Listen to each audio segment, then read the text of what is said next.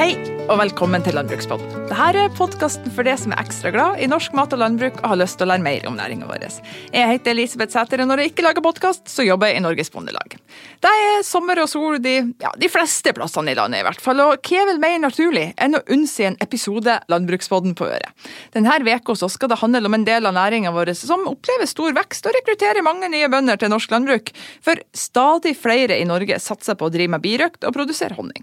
Det er til glede for både forbruker og for hele samfunnet vårt. For birøkt det bidrar med eh, mange ting som, eh, mange fellesgoder jeg si, som vi alle drar nytte av. Og da skal det handle om den neste halvtimen. Roar er eh, birøktforfatter, har fått beskjed om å kalle hjertelig velkommen hit. Tusen takk. Vi starter med konklusjonen først. Hva er det som er så bra med å drive med birøkt? Og det, er, eh, det tar mer enn en halvtime, skal jeg si det. Men eh, kanskje er det nettopp det at eh, plutselig så oppdager du at du bør ikke reise til Afrika eller til Asia for å oppleve noe helt nytt. Du kan bare åpne døra hjemme hos deg, og så er du ute i en insektverden og en blomsterverden du ikke ante eksisterte. Hvor lenge har du drevet med birøkt? Jeg har drevet så lenge at det er nesten eh, fra steinalderen. Men eh, da jeg var veldig liten gutt, så sparka jeg ikke fotball, men jeg leita etter insekter i skauen. Og så hadde vi en gammel mann eh, som bodde på andre sida eh, av skauen min, og han var birøkter. Og jeg satt på trappa hans og hørte på hans historier om disse insektene. Og så En dag så ble han sikkert lei, og så sa han du må kjøpe deg en kube selv, og så skal du få bier av meg. og så, Sånn begynte det for veldig mange år siden. Altså, eh, Som jeg var inne på, så har det jo vært plutselig veldig mange som driver med honning, og jeg tror ikke Nå har jeg vært på tror ikke alle var like opptatt av insekt som det når de var små. Men hvorfor er det så økt vekst og økt interesse for, for å drive med birøkt? Det er, det er, nok et veldig sammensatt uh, spørsmål, eller svar, men, men jeg tror veldig mange har skjønt at Asfalt er asfalt, og så kan du ikke gjøre noe mer med det, men du kan faktisk glede deg over den naturen, og det er viktig. Vi har jo fått noen påminnelser dette året, eh, og eh, i tida som ligger bak oss nå, at eh, naturen kan vi ikke tulle veldig mye med, eller vi kan i hvert fall ikke gjøre alt hva vi vil. Og Det betyr at biene er en integrert del i det som egentlig er livet vårt rundt oss hver eneste dag. Men det må jo være hva man skal si altså de som driver med Nå vil jeg begynne med birøkt. Det kan jo ikke bare være sånn naturglede. Er det, er, det, er det, mulig å tjene penger på det her? Ja, Det er absolutt mulig å tjene penger på det. og det det er, jo mange ting ikke sant, som gjør at du kan tjene penger på det. For det første så kan du drive veldig lite ved siden av et annet yrke. Og så kan du eh, begynne i det små, ja, og så kan du lage dine egne produkter hvis du har lyst. Du kan selge de selv, eller du kan selge det til andelslaget ditt.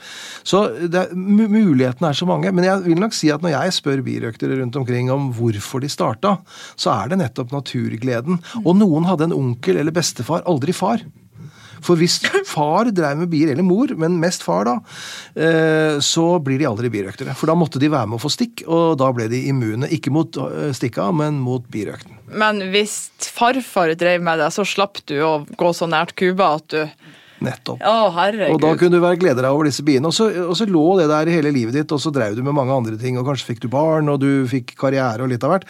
Og en dag så dukker det opp ved en tilfeldighet, og så tenker du ah, bier, ja. Og så er du i gang, og da må du gå kurs. Eh, for det er sånn du må begynne. Så det er litt vanskelig. Det er ikke bare å kjøpe en boks og ta litt biefòr oppi og satse på at det Nei, det, da skal du være veldig Og du kan nesten ikke lese deg til det heller. Du, du må erfare det sjøl. Og disse biene er jo De har vært der i 125 millioner år. Så det, de, da liksom, Da halve tida eh, hadde gått, så var det jo fortsatt dinosauruser her. Sånn at biene har jo altså Hele disse nesten over 100 millioner år så har de tilpassa seg disse blomstene. Og det eh, er ikke noe du lærer ved å lese 16 sider i en bok, altså. Men ok, nå bare starter vi egentlig på, på deler av slutten. Hvordan, hvordan lærer man seg birøkt? Først så tror jeg det lønner seg å, å gå på kurs. Eh, treffe andre birøktere og lytte til hva de forteller deg. Men stole på sin egen naturglede tror jeg er viktig. Altså det å ha tid. Sette av tid. Eh, fordi at hvis du eh, spiller golf, da, som eh, heldigvis få i landbruket gjør, så går du på en klipt plen, og du eh, har hvite sko og, og, snakker om ting du kanskje ikke er interessert i, og så slår du en hvit ball i et høl. Og Det kan du gjøre akkurat når det passer deg, men hvis du er birøkter, så må du være der når biene trenger deg. Du må altså ikke vente til det passer deg. Og du oppdager ganske fort som birøkter at det er biene som styrer deg, og ikke du som styrer biene. Nå høres, altså det her er bare klassisk sånn historie om hvordan en var bonde. Jo, du har 25 eh, sjefer, de står i fjøsen og melker. Ja. Eh, er det, er det, altså, men, men, likevel, når du snakker om den her, altså tidsklemma er jo et, et, dilemma for mange som skal begynne med noe nytt. Uansett hvordan hobby eller hvordan tilleggsnæring eller hva det enn skal være. Eh, Samtidig så har jeg hørt, og som du var inne på, at det er ikke liksom nødvendigvis så tidkrevende. Det var en kompis av meg som begynte med birøkt, og han sa at det var litt som en vaktmesterjobb på si. Ja, og nå skal ikke jeg Jeg, jeg ble uenig med et helt forsamling en gang, for jeg sa, beskrev hvordan det var å ha gris, og det skal jeg la være, har jeg bestemt meg for, og lova de å aldri si mer. Men, men birøkt er jo noe som eh, er altomfattende. Eh, jeg, skal nesten love alle dere som hører på, at hvis man starter, så gjør det noe med deg. Det kan hende du slutter igjen, men eh, høyst sannsynlig ikke. Og hvis du har drevet som birøkter i noen år, så tenker du annerledes. Det skal jeg faktisk sitte her og love. Hvordan da? Du tenker på at eh, det er noen sammenhenger i naturen som du ikke ante. Det er noe med det at når en blomst annonserer at man må flytte pollenet sitt over til hunnblomsten, så gjøres det med én målgruppe, og det er insekter. Og de insektene de kommer der, og de får pollenet på kroppen. Det er jo det som er hele produktet. Det er pollineringen. Og pollenet er egentlig eh, eh, proteiner som eh, biene tar med seg på bakbeina. Disse gule, store klumpene som du ser. Mm. Biene har jo seks bein. Eh, og de bruker det første beinparet til å gre av seg eh, pollenet i pelsen sin. Og så stabler de det på bakbeina, og så flyr de det hjem. Og en bie veier et tiendels gram, og pollenet som det har med seg, kan være nesten det samme. Så du kan tenke deg Jeg veier 100 kilo, da. Og så kan du Hvis jeg skulle hatt 100 kilo på ryggen, og så skulle jeg fly eh, Så biene sliter jo. Eh, men de flyr hjem til kuben sin, og så fòrer de det til yngla si. Nå må vi litt, gå litt inn i kuben, for det her kjenner her her blir jeg nesten mer usikker enn hvis jeg skulle inn i, inn i et moderne grisefjøs. Si. Eh, hva skjer inni den kuba? Det er dønn mørkt. Det er dønn mørkt i kuben, og det er fuktig, og det er varmt. Selv om det er 25 kuldegrader ute, eh, så er det sånn rundt 20-25 grader inne, for da sitter de i en klase. Og mange tror at biene går i dvale. Men det gjør det ikke. Alle, vi har 220 arter, forskjellige arter med ville bier i Norge. Og alle de artene de lever aleine. De overlever vinteren aleine. Mens biene det kan være sånn 20 000-15 000 bier. Og da er det litt brutalt, for da lar de de eldste sitte ytterst. Og så passer de på den ene bia som er helt vitalt for at dette bisamfunnet skal overleve, nemlig Dronningbia. Det er riktig. Og dronningbia er den eneste som legger egg. Og jeg har lyst til å fortelle hvordan hun blir para, for det er Jeg har hørt at det er ganske skumle saker. Det er ikke noe for hvermannsen. Fordi at øh, i motsetning til høner, da, hvis det ikke er hane i hønehuset, så blir det jo ubefrukta egg, og de forblir ubefrukta. Men øh, dronninga, hun legger øh, Hun stikker bakkroppen sin ned i cellene, sideveis, da, inn i cellene, og så kjenner hun størrelsen på cella, det har hun jo trena til gjennom disse disse 120 millioner åra. Og så, hvis det er en normal størrelse, så slipper hun et egg ut. Og så slipper hun på noen sædceller som befrukter det egget, og ut av det så kommer det en, egentlig en hunnbie. Men hun har ikke de reproduksjonsevnene, så hun blir en arbeiderbie. Så alle de er jenter. Men hun kan også kjenne at den cella er litt større. Og da slipper hun det samme egget, men uten sædceller, og legger et ubefrukta egg. Og ut av det ubefrukta egget så kommer det en hannbie. Og den hannbia kalles jo droner, og den har altså halvparten av kromosomene, og har ingen biologisk far. Og det betyr at bisamfunnet ikke trenger en paring for å utvikle hanner, men de trenger det for å utvikle hunder. og Derfor så er Den katolske kirke brukte honninglys, eller ikke honninglys, men bivokslys på alteret og i kirkene sine, fordi de trodde ikke det var en paring i biverden, og derfor så ble disse lysa et symbol på renhet.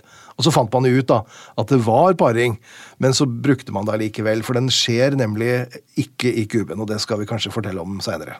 Eh, det kan vi absolutt gjøre. Eh, men når du begynner med sånn katolske kirke og sånne sammenligninger og sånn, så altså, jeg, jeg hørte eh, en helt forferdelig historie om hvordan dronninga blir vet, altså Det er ikke sikkert det er sant, så her er det bra vi har litt sånn faktasjekk, men jeg hørte at, at dronningbia var dronningbier helt til noen andre kom og, og tok over, eller, og, og, det var liksom en slags sånn masseslagsmål, om du vil, der den, den som lev, sto igjen til slutt ble dronning. Er det, er det, kanskje fortalt på en måte som er litt sånn uvitenskapelig? Ja, det var litt uvitenskapelig, kjenner jeg. Nei, men, nei da, men det er, det er, eh, ikke helt sånn. Det er at dronningen fødes jo som dronning. Og så, for å gjøre en veldig lang historie kort, så en vakker sommerdag, for hun fødes alltid på en sommerdag, så kryper hun ut av cella si og er jomfrudronning. Eh, hun er altså ikke para. Men så flyr hun ut av kuben. Og så flyr hun eh, ja, sånn eh, kanskje 10-15 meter over bakken, og i noen forskjellige steder, gjerne i et skogholt, så samles disse dronene seg fra et stort område. Og vi veit, ingen veit, hvorfor de velger akkurat det området, men der flyr de rundt og er helt surrete i huet og venter på dronning. Det er jo helt sånn Street Fight-aktig. Ja, det er det jo. Og så flyr hun gjennom der i, sier de, ca. 50 km i timen. Og den råeste drona, han får pare seg med henne i lufta i 50 km i timen. Og Det kan jo for enkelte føles hyggelig ut, men det er ikke det. fordi idet han er ferdig, og det er på ett sekund, så eksploderer penisen hans, og så detter drona til bakken død. Og han dør altså før han lander på bakken. Og denne penisen den sitter igjen i dronninga. Inntil neste drone kommer, og alle penisene har to sånne haker under, så bikker han ut eh, forgjengeren og inn med sin egen, og dør. Så det er veldig kortvarig glede, og hun kan pare seg med, og det gjør hun sånn stort sett, mellom 5 til 15 droner på et par sånne flyturer. Og da har hun i kroppen sin eh, sædceller nok til å holde seg i live hele livet ut. Og hun legger jeg bare tenker på hønene igjen, altså som legger, hvis du er heldig, så legger de ett egg om dagen. Men dronninga, på forsommeren frem til sankthans, så legger hun 2000 egg i døgnet. Eller opptil, da, det er litt forskjell, men rundt fra 1000 til 2000. Og vekta av de egga er eh, tyngre enn det dronninga veier selv. Og så har hun hele hoffet rundt seg, som har én oppgave, og det er å fòre henne med dronninggelé, som er et høyoktan fôr som gjør at hun kan bare kjøre på. Så egentlig er ikke dronninga sjefen i kuben, det må vi si, men hun er en eggleggermaskin for de andre. Det er mange så skumle paralleller man kan dra igjen til, til, dagens samfunn, men vi må litt ned på det faglige igjen. Altså, Hvordan blir honningen til i det her? Nei, altså oppi dette her, så de, Disse forbruker jo to ting. De forbruker proteiner som de fôrer yngla si med, og det henter de ved pollen fra blomster.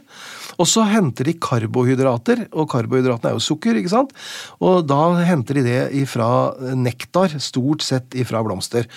Og det er jo det som vi samler som honning, og de, de suger det inn i, en, eh, inn i, en, liten beholder i kroppen, og så flyr de tilbake til kuben, og så gulper de det opp, og det kan være sånn 50% vann, kanskje, og så tilsetter de enzymer, og så, og så damper de ut vannet. Og nå når bringebæra på Østlandet blomstrer, så kan det komme inn kanskje fem-seks kilo om dagen. Så mye kommer det inn. Og så om natta så står de og vifter med vingene inni kuben, i mørket, og de gjør det helt synkront, sånn at det er en luftstrøm som går samme veien inni kuben.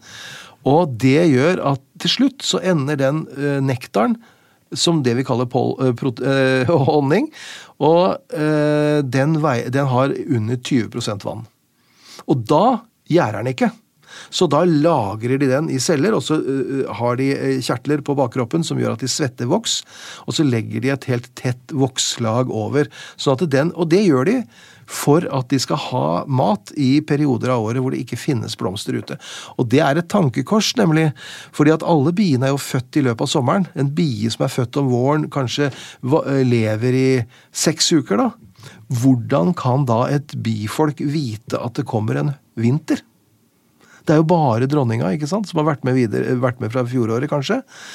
Ingen av de andre. Og da er det spørsmålet som jeg har lurt på mange ganger når jeg steller bier også, det er hvordan kan de ane at det kommer en vinter? Hvorfor, hvorfor holder de på å, samle nektar som bare det? Ja, når, sånn, de ikke, ja, når, de ikke, vet at det blir en vinter. Men er du sikker på at altså, er ikke det sånn, litt sånn at mennesket òg er instinktivt skapt for å for å sanke. I hvert fall, hvert fall oss damer er, er sankere. Altså, er det ikke vel litt sånn det kommer alltid en rainy day? Jeg må Jo, det, jeg, vi sitter her og ser på en hel vegg av bøker, og jeg samler på bøker. og jeg, Gud vet, jeg rekker jo aldri å lese alle. og folk samler jo, Det er jo samlere og ikke samlere. Så du har rett i det. Og, og det kan være, det er jo klart at det ligger nede gjennom alle disse åra. Så, så, har de skjønt at de som ikke samla, eller ikke samla tilstrekkelig, de uh, overlevde ikke vinteren. Og vi er kanskje altså Verdens aller nordligste birøkter finnes i Norge. Så det er birøkt helt til Finnmark. Men det er Golfstrømmen da, som gjør at vi akkurat klarer å få dette årsskiftet eh, og årssyklusen til biene eh, her i Norge. Så det er helt på grensa, men, eh, men, vi klarer det ved litt menneskelig hjelp. Og de honningbiene som vi har, de ville ikke overlevd mange steder i Norge hvis ikke det hadde vært for, for birøkteren, som har de i isolerte kasser. Ja, for La oss snakke litt om det. Altså, det er jo mye fokus på ikke man skal si, at vi må lage bedre levevilkår for både humler og biene. Og, altså, hvordan funksjon har de i naturen, sånn utover å produsere honning til oss?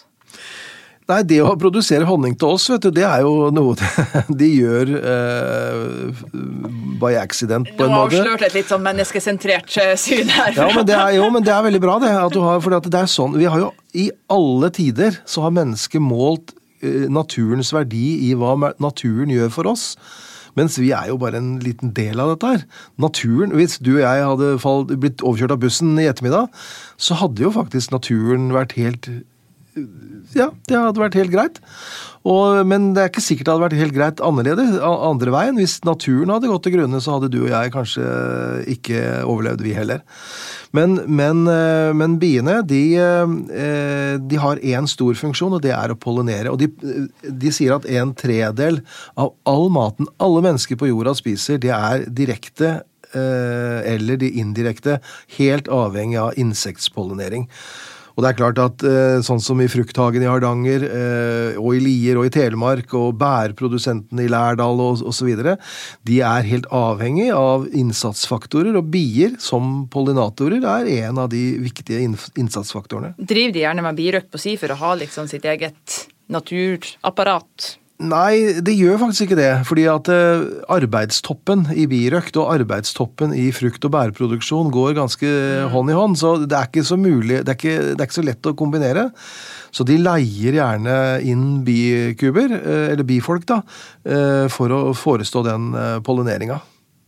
Det kan jo være litt sånn Eller er det en del av vekstgrunnlaget til, til birøkt at flere har fått øynene opp for man skal si, å pushe inn noen ekstra kubor i, i eplehagen? Det er det. Og, eh, bi, og, og, og fruktdyrkerne har blitt veldig mye mer profesjonelle i løpet av de siste få åra, faktisk. De investerer mer. De har større hager, eller eh, felt.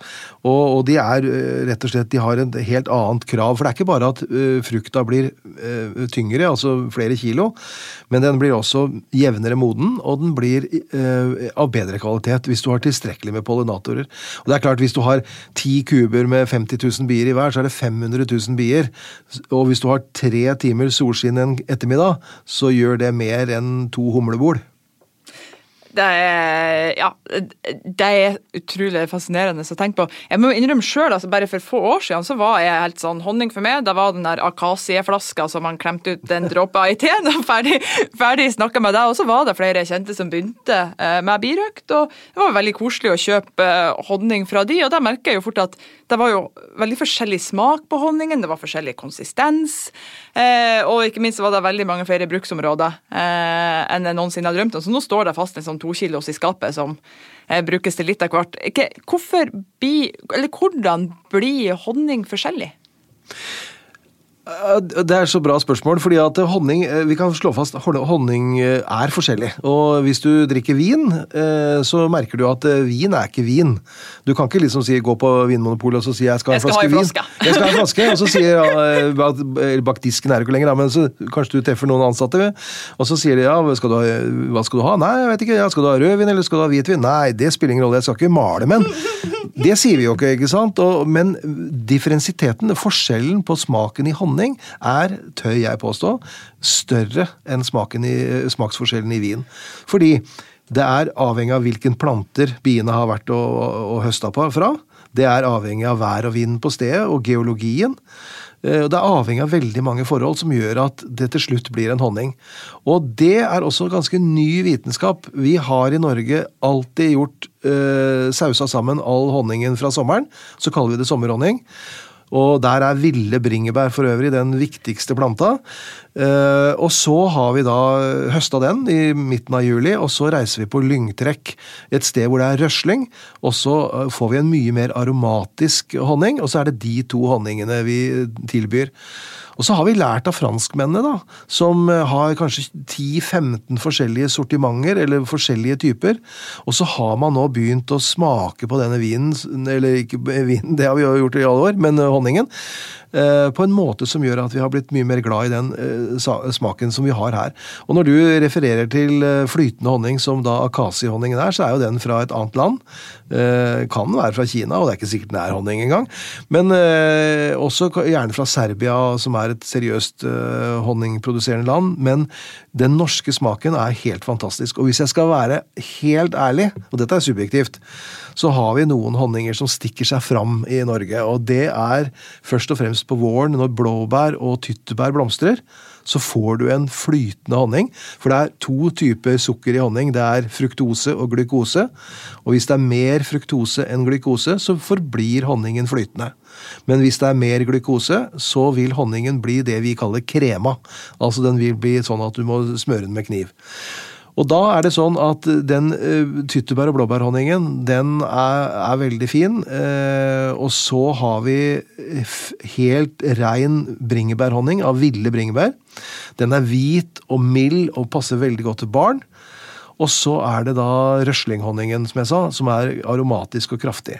Og jeg tror at hvis vi hadde markedsført røslinghonningen ute i verden, så kunne den Du har sikkert hørt om manuka-honning fra New Zealand? Nei, det har du ikke, men det kunne du ha hørt om. Fordi at den er markedsført over hele verden fordi den har en medisinsk virkning. Og jeg Nå er det jo lett å sitte i et studio og mene mange rare ting, men, men jeg tror gans, jeg tror jeg har belegg for å si at langt på vei så er den norske røslinghonningen like god. Og så har vi to spesialhonninger i Norge som vi må og vi kommer til å tenke mye mer på. Og det er på Sør-Vestlandet. Så blomstrer det klokkelyng og, og, og, og, greplyng, men mest klokkelyng. Og den klokkelyngen, den er ja, Og det er jo igjen subjektivt, men den er helt fantastisk i smaken. Og får du kjøpt klok rein klokkelynghonning av en birøkter, da må du bare kjøpe alt det birøkteren har. Det er den beste honningen i verden. Og den aller siste, den aller siste, og kanskje den eh, nesten like viktige, det er av lindetrær.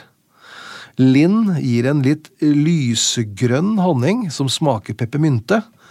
Og så veit du det at i gamle dager så brukte man jo linn, blomstene på linn, og kanskje også bladene, men mest blomstene til te. Og den hadde en beroligende effekt. Og helt personlig, vi har jo her på Østlandet også, så har vi jo linn ganske mange steder på solrike steder. Og lindehonning er helt fantastisk. Altså, Vi er jo så heldige i Landbrukspodden at uh, vi er jo ikke hva skal jeg si, vi, vi, vi er ikke sponsa, så vi er ikke fare med andre utover det var sponsa norske bonder. skulle du si. Så jeg må bare spørre, liksom, er det med fare for å drive reklame er det noen produkter, du, noen navn eller noen produsenter som du vet har f.eks. lindhonning eller eh, tyttebærlynghonning, skulle du si? Nei. Okay. og det er, fordi, det er, ikke fordi at jeg heller ikke er sponsa, men det må du leite etter. Nettopp. Du kan, altså Den store aktøren på det norske honningmarkedet som har en veldig høy markedsandel, er Honningsentralen, som er andelslaget til ca. 1700 norske birøktere av Vi har jo 4500 av dem. Yes. Ja, Men 1700, og de, nok de største, de er, er leverer til Honningsentralen, og de er også i ferd med å virkelig lage sortimenter som tar hensyn til smaken. Men det er nettopp gå, og, gå på markedet, da. Og gå på og spør Der treffer du gjerne birøkteren, og så si hva er det du eh, liker best? Når jeg er i utlandet, og det ikke er korona og kona og jeg reiser på tur, og så kommer vi til en italiensk by, og så skal vi spise lunsj. Og da har vi funnet et triks, hvis vi aldri har vært i den byen før, som virker hver gang. Vi går til slakteren i byen, og så sier vi 'Hvor spiser du lunsj?' Og slakteren han blir så glad. når han får det spørsmålet, at han blir gjerne med oss. Det har vi opplevd fysisk flere ganger. Og så sier han du skal gå i bakgata, og så skal du ned trappa, så skal du banke på den grønne døra, og der skal du spise. Ikke i turistgata. Og da skal ikke jeg si at den uh, serbiske eller den uh, honningen du hadde refererte til, er dårlig. Det skal jeg på ingen måte si. Men neste gang du er på et marked, om det er et sommermarked eller julemarked, så snakk med produsentene. Også birøkterne, og si hva er du stolt av? Hvis du skulle gi meg nå, eh, og det spiller ingen rolle om det koster ti kroner mer eller mindre, hva er det du ville gi meg av den honningen du er mest stolt av? Da vil du få en venn og en opplevelse som du ikke ante var der. Eh, Jeg kjenner at jeg får for eh, Når du snakker om hva man skal si, de prosessene som skjer, og det å lære mer om birøkt, så tenker jeg sånn Kanskje jeg skulle få meg en kube? Men når du snakker om sånn, hvor bra de produktene er, så får jeg jo helt prestasjonsangst. Og da eh, tenkte jeg liksom avslutningsvis fokusere litt på hva man skal si, rekruttering. Hvis, hvis jeg har lyst til å drive med birøkt, må liksom eller Du var inne på Honningsentralen, så det er jo litt det jeg leder mot. Men for, det er ikke sånn at du må da lage eget, din egen seterhonning, hadde det blitt for meg, da, og kjøpe inn masse glass og lage etikett og skrive på og stille opp på marked. Kan man uansett bare ringe til Honningsentralen, så kommer de og henter, eller er det avhengig av hvor i landet du Nei, jeg, jeg, ville ikke begynt med å ringe til Honningsentralen, faktisk. Jeg ville begynt med å slå opp uh, Eller ikke Jeg er veldig gammel, skjønner du. Uh, jeg slår ikke opp uh, slår opp i, eh, Da sender en- finner du telefonkatalogen fra 95! Ja. Hvis du sender en telefaks til eh, nei, nei, du gjør ikke det, men du, du går inn på nettet og så ser du nordby.no, og så vil Det er Norges Nor- Nor- NORBI. norbi.no. Så kommer du til Norges birøktlag, og så vil du kunne se om det er et lokallag i nærheten, og så ville jeg begynt der. Og så ville jeg da kjent litt på hva jeg syns er best med bier. Altså, er det, er det naturopplevelsen? Er det det å redde litt av verden? Er det det å produsere honning? Er det det å få betalt for hobbyen min, eller vil jeg ha et yrke? Veldig mange som kanskje selger gården sin, da. Og så, og så, Hva skal de gjøre da? Mange gruer seg til å selge gården sin, naturligvis. Eh, og så sitter de hjemme sammen med partneren sin og har lite å gjøre, og så kjøper de gravemaskin. Og det, er- det er fint, det er veldig bra det, men enda kulere er det hvis du begynner som birøkter. Føler det litt motstykke gravemaskin og birøkt? Ja, ja, men det er samme år på. For det, det tar, jeg har møtt mange som kjører gravemaskin som er veldig glad i det. Men, men birøktere er også seniorer, altså menn og kvinner, som eh, er kanskje i slutten av, eller midten av 60-åra og som skal overdra. Eh, birøkt er en gyllen mulighet. Og jeg ville begynt i Norges birøktlag, eh, sjekka litt rundt det, og lokallaget, og så ville jeg vurdert for det er kult å lage sin egen etikett, men det er ikke sikkert at det ligger for deg. Og da kan du, det er jo det som er tryggheten her, du kan levere honningen din til andelslaget eh, og være ferdig med det. Det kan du velge selv. Men er det, f.eks. i Mosjøen, der jeg er fra, er det mulighet å levere honning der, eller er det mest i områder der, hva man skal si, eh, ja, mer på sentrale steder, da, som jeg så fint kaller det? Ja, nei, det er eh, hvis du er i Mo... Det var veldig til stede Mosjøen det- Men det er fint i Mosjøen, altså. Men, men Ja, da må- ja, ja. Men da må du kjøre Du må kjøre honningen din til det stedet eh, De har et antall eh, mottak rundt omkring i landet, absolutt, og i Trøndelag har de det. Så da må du til Trøndelag. Men hvis ikke du vil det, så må du selge den selv. Og så er det sånn at du, det, er alt, det er sikkert andre birøkter i Mosjøen. Så kan man si at ok, nå er vi fire stykker som har litt honning hver. Så samler man det sammen, og så reiser man én eller flere, og så gjør man det til en tur. Og så leverer man denne honningen. Og birøktere, de prater mer enn meg, altså. Og de ja, Du himler med øyet litt nå. det- Eh, Jeg gjorde det- ikke det. ok, litt ja, men, men det er Og det er derfor man går på birøktlagsmøter, har jeg hørt. Og det er at eh, fordi at man, partneren hjemme er så lei birøktprat at eh, man, på birøktmøter får man snakket sammen om det. Og jeg ser nå at den nye trenden er at eh, folk som er sammen, også driver birøkten sin sammen, og det er kjempebra. Da har jeg også, altså De jeg kjenner som driver med birøkt, de driver, de driver i par. Kanskje som en slags terapi. Men, men nok om det. Eh, å ta kontakt med sitt lokale birøkterlag er et kjempetips. Er det noen sånn siste hva man si, eh, kloke ord eh, og tips du vil gi til de som sitter der ute og tenker enten som du sier, jeg trenger en hobby her, eller rett og slett har lyst til å komme nærmere eh, naturen? Ja, det er eh, to ord, det. Og det er gjør det. Eh, Du får solgt produktet ditt. En, eh, du kan velge selv om du vil ha det som rein hobby med to kuber i hagen, eller om du vil ha det som et årsverk, som er 250 kuber. Du kan velge akkurat hvor du vil selge honningen, for du får solgt den. Eh, og du kan eh, velge eh, å være en veldig stor del av naturen. Og så er vi kanskje litt tilbake til denne golf. Jeg elsker å mobbe golfspillere. De går der pent kledd på denne snauklipte ørkenen sin. Tenk bare gleden av å slippe det. Tenk bare gleden av å stå ute i skauen og være vitne til bienes arbeid. Jeg skal love deg, og jeg skal virkelig love deg, at det der er noe som kommer til å gi glede eh, så lenge du lever. Og vi ser ofte at de slutter jo aldri med bier. Det er liksom dødsboet som rydder opp. Så det må jo være noe med at det er fint. Eh, Jeg håper og tror at eh, mange av dere som hørte på, ble inspirert. Det ble i hvert fall jeg. Roar, tusen takk for at du kom hit i podden. Veldig hyggelig å være her. Tusen takk til dere som hørte på, ikke minst. Nå tar vi oss en liten ferie her i podden, og jeg vil benytte anledningen til å sende hilsen til alle dere som driver med slått, innhøsting og Bli røkt. Ja, nettopp. Eh, jeg krysser fingre og tærer så hardt jeg kan for at værgudene er med hver og en av dere, og ønsker dere masse lykke til. I podden så er vi tilbake i midten av august, og i mellomtida så håper jeg at alle får en fin sommer. Tusen takk for nå. Du har hørt en podkast fra Norsk Landbrukssamvirke og Norges Bondelag.